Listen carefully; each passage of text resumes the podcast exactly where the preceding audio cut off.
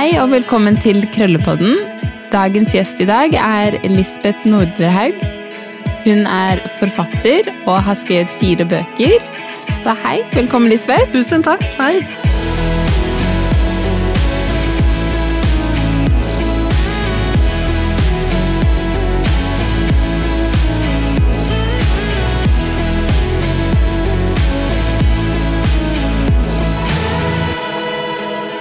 Da er um, et av de første spørsmålene jeg har til deg, er hvordan forhold har du, eller har du hatt til uh, ditt fantastiske krøllete hår? Um, stort sett så har jeg vært veldig glad i håret mitt. Og jeg har egentlig blitt mer og mer glad i det etter hvert. Da jeg var barn, var det litt annerledes. For da var det ikke så veldig morsomt å være den som hele tiden hadde dette svære bustehåret. Og jeg ble litt um, erta fordi jeg hadde så krøllete hår. Ja. det var ikke så mange som hadde det, i hvert fall i klassen min. Men etter hvert som um, tiden går, så syns jeg det er deilig å ha et hår som er så snilt og hyggelig. Som um, gjør sånn som jeg vil med det, stort sett. ja, det er jo gjerne som regel litt lettere å forme et krøllete hår. Ja, altså Det er kanskje feil å si at, uh, at de gjør som jeg vil, fordi på mange måter så opplever jeg at det lever litt sitt eget liv også. Men det er samtidig min venn. Ja. ja, og sånn er det jo i livet òg. Altså, man har jo mange gode venner. Det er Ja. ikke alltid de gjør det man ønsker, men Nei. eh, det er fortsatt gode venner. Ja. ja, ehm, ja, så hvordan, sånn, Du gikk jo litt inn på det i forhold til det med barndommen. Um, og det var jo liksom en av de tingene jeg lurte litt på. Hvordan eh, ja, det rett og slett har påvirket deg, da. Det å ha krøller i barndommen. Jeg, jeg vet ikke hvordan det hadde vært uten de krøllene, om, men jeg husker jo at jeg hadde veldig Jeg drømte om å ha sånn langt, glatt, lyst hår. Det var liksom det aller peneste jeg kunne tenke meg. Det var jo av og til at jeg skulle ønske at jeg kunne få glattet det ut litt, at det var litt eh, lettere på en måte. Eh, At det var litt mer likt de andres. Samtidig så ville jeg gjerne ha det langt, og da var moren min veldig uenig med meg. Det skulle være kort. Kort og greit skulle håret mitt være.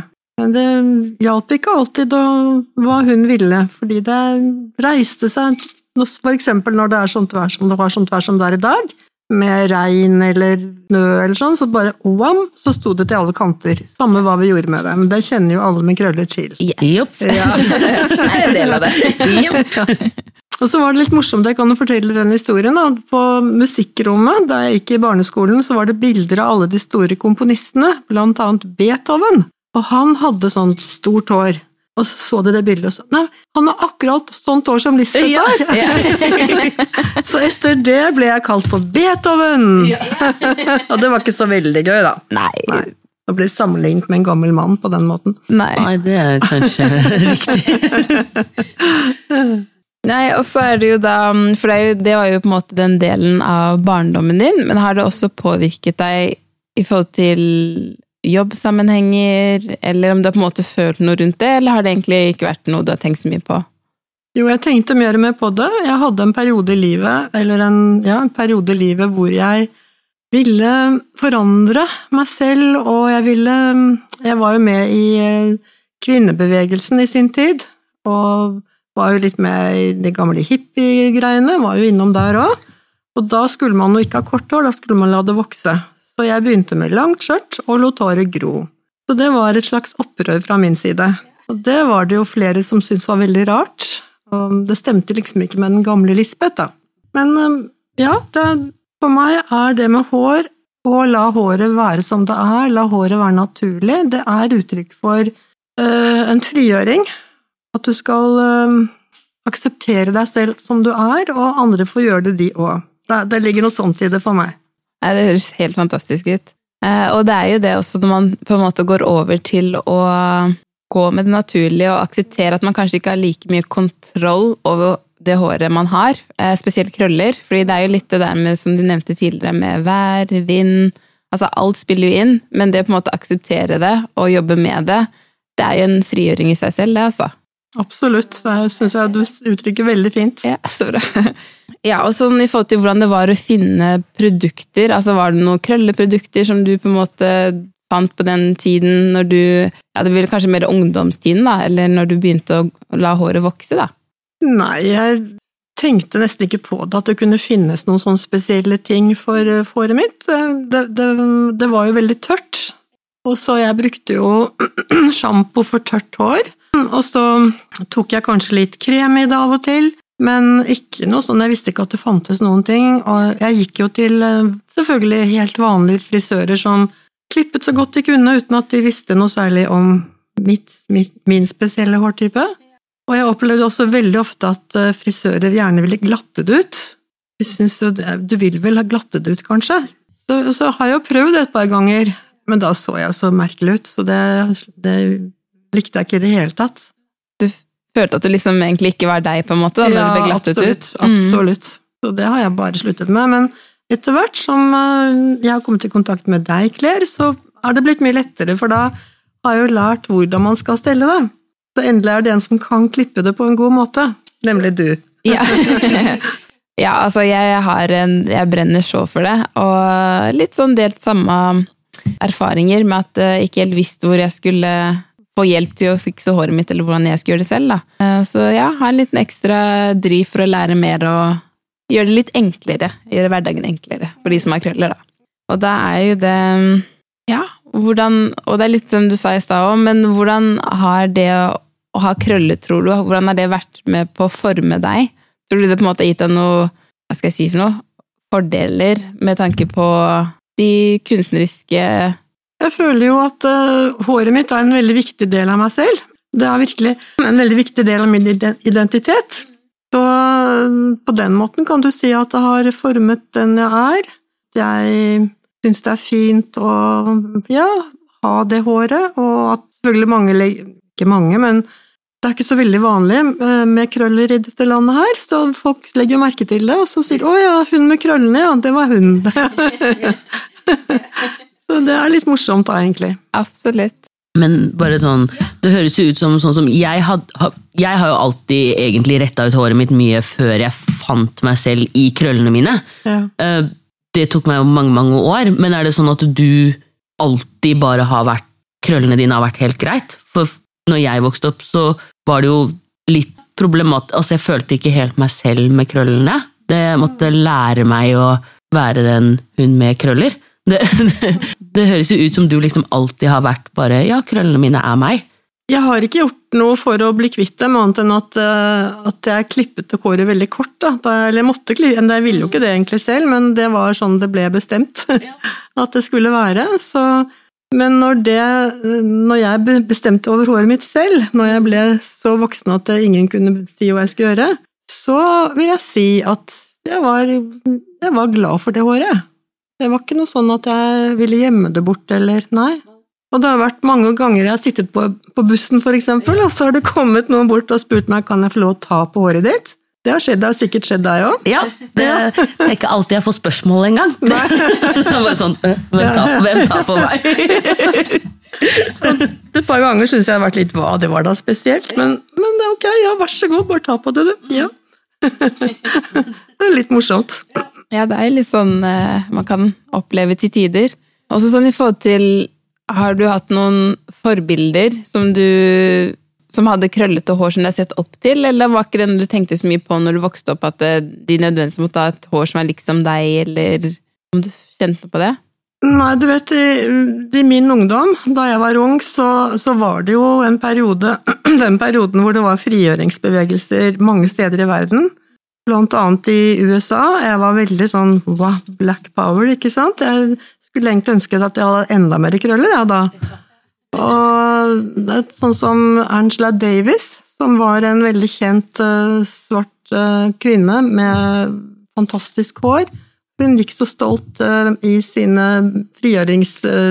det hun drev med den gangen, jeg husker ikke akkurat, det var vel hun, hun var en veldig kjent idrettsstjerne, var hun ikke det?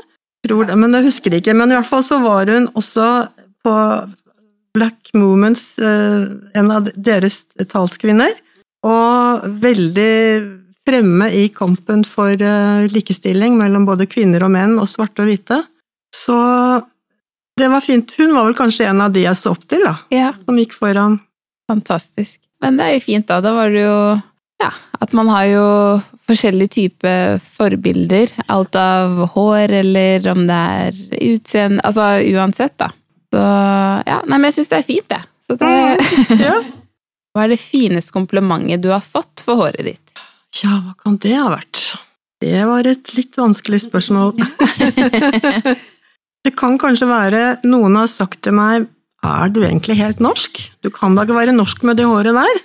Og jeg har jo alltid, eh, må jeg bare innrømme, lengtet etter at jeg skulle være litt mer enn bare norsk. Og jeg har søkt litt ut av det typisk norske. Jeg har søkt litt ut mot verden ellers, og når noen har sagt det til meg Nei, jeg er nok ikke helt norsk, kanskje. Jeg har sikkert et eller annet i slekta mi som jeg ikke vet om. Kanskje jeg er tater, for eksempel? Eller hva? Altså, det har, det, jeg syns det har vært fint når folk har stilt meg det spørsmålet. Ja, Mm. ja men det er jo fint. Og det er litt det derre Altså, det er jo mange forskjellige typer krøller. Alt fra litt fall til superkrøllete hår, afrotekstur.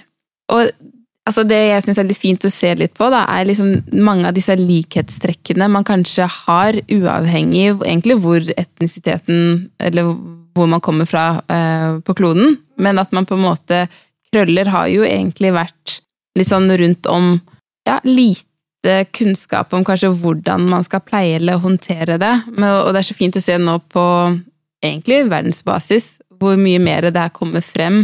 Og det er som du sa tidligere, også, det har vært en bevegelse eh, før i tiden da man har tatt det her frem og opp, eh, og folk har gått naturlig. Eh, og denne gangen her så føler jeg på en måte det er ikke en trend det er snakk om. Det er jo på en måte en endring som er her for å bli, da, sånn at man på en måte har rom for å være den man er, uten at man må nødvendigvis rette det ut. Jeg, er ikke en person som er imot at folk retter ut hår i det hele tatt, men at man på en måte gjør det man har lyst til, og har muligheten til å på en måte kunne rett og slett velge selv. da. Vil du glatte ut, vil du ha det krøllete, men har du det krøllete, så har du på en måte alle de verktøyene og de, eller den kunnskapen som kan på en måte hjelpe deg til å få det beste ut av det. da. Mm. Rett og slett bare finne ut hvor er, hvor er jeg, hva vil jeg, på en måte. da. Absolutt. Da er det frigjøringsaspektet igjen. Være seg selv. Absolutt. Det kan vi jo bruke mange år på å komme fram til, men da er vel det viktigste i livet å prøve å finne ut her er jeg. Ja, absolutt. Så det var veldig, veldig fint å høre din historie, det du har delt.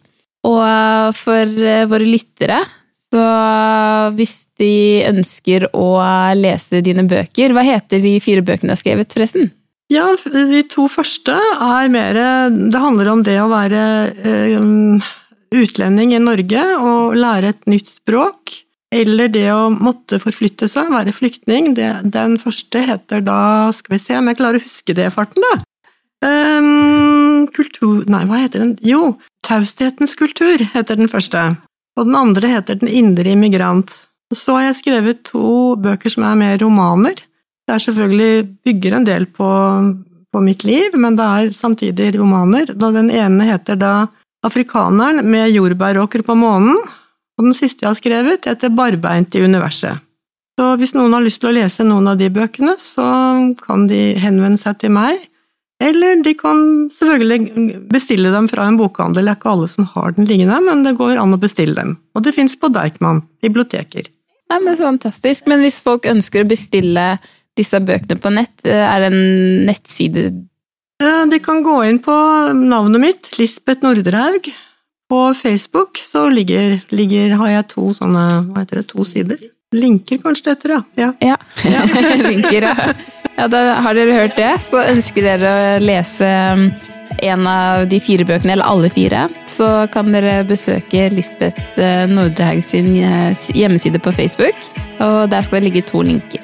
Så tusen takk for i dag, Lisbeth. Det var hyggelig at du ville være med oss. Tusen takk for meg. Veldig hyggelig å være her. Takk.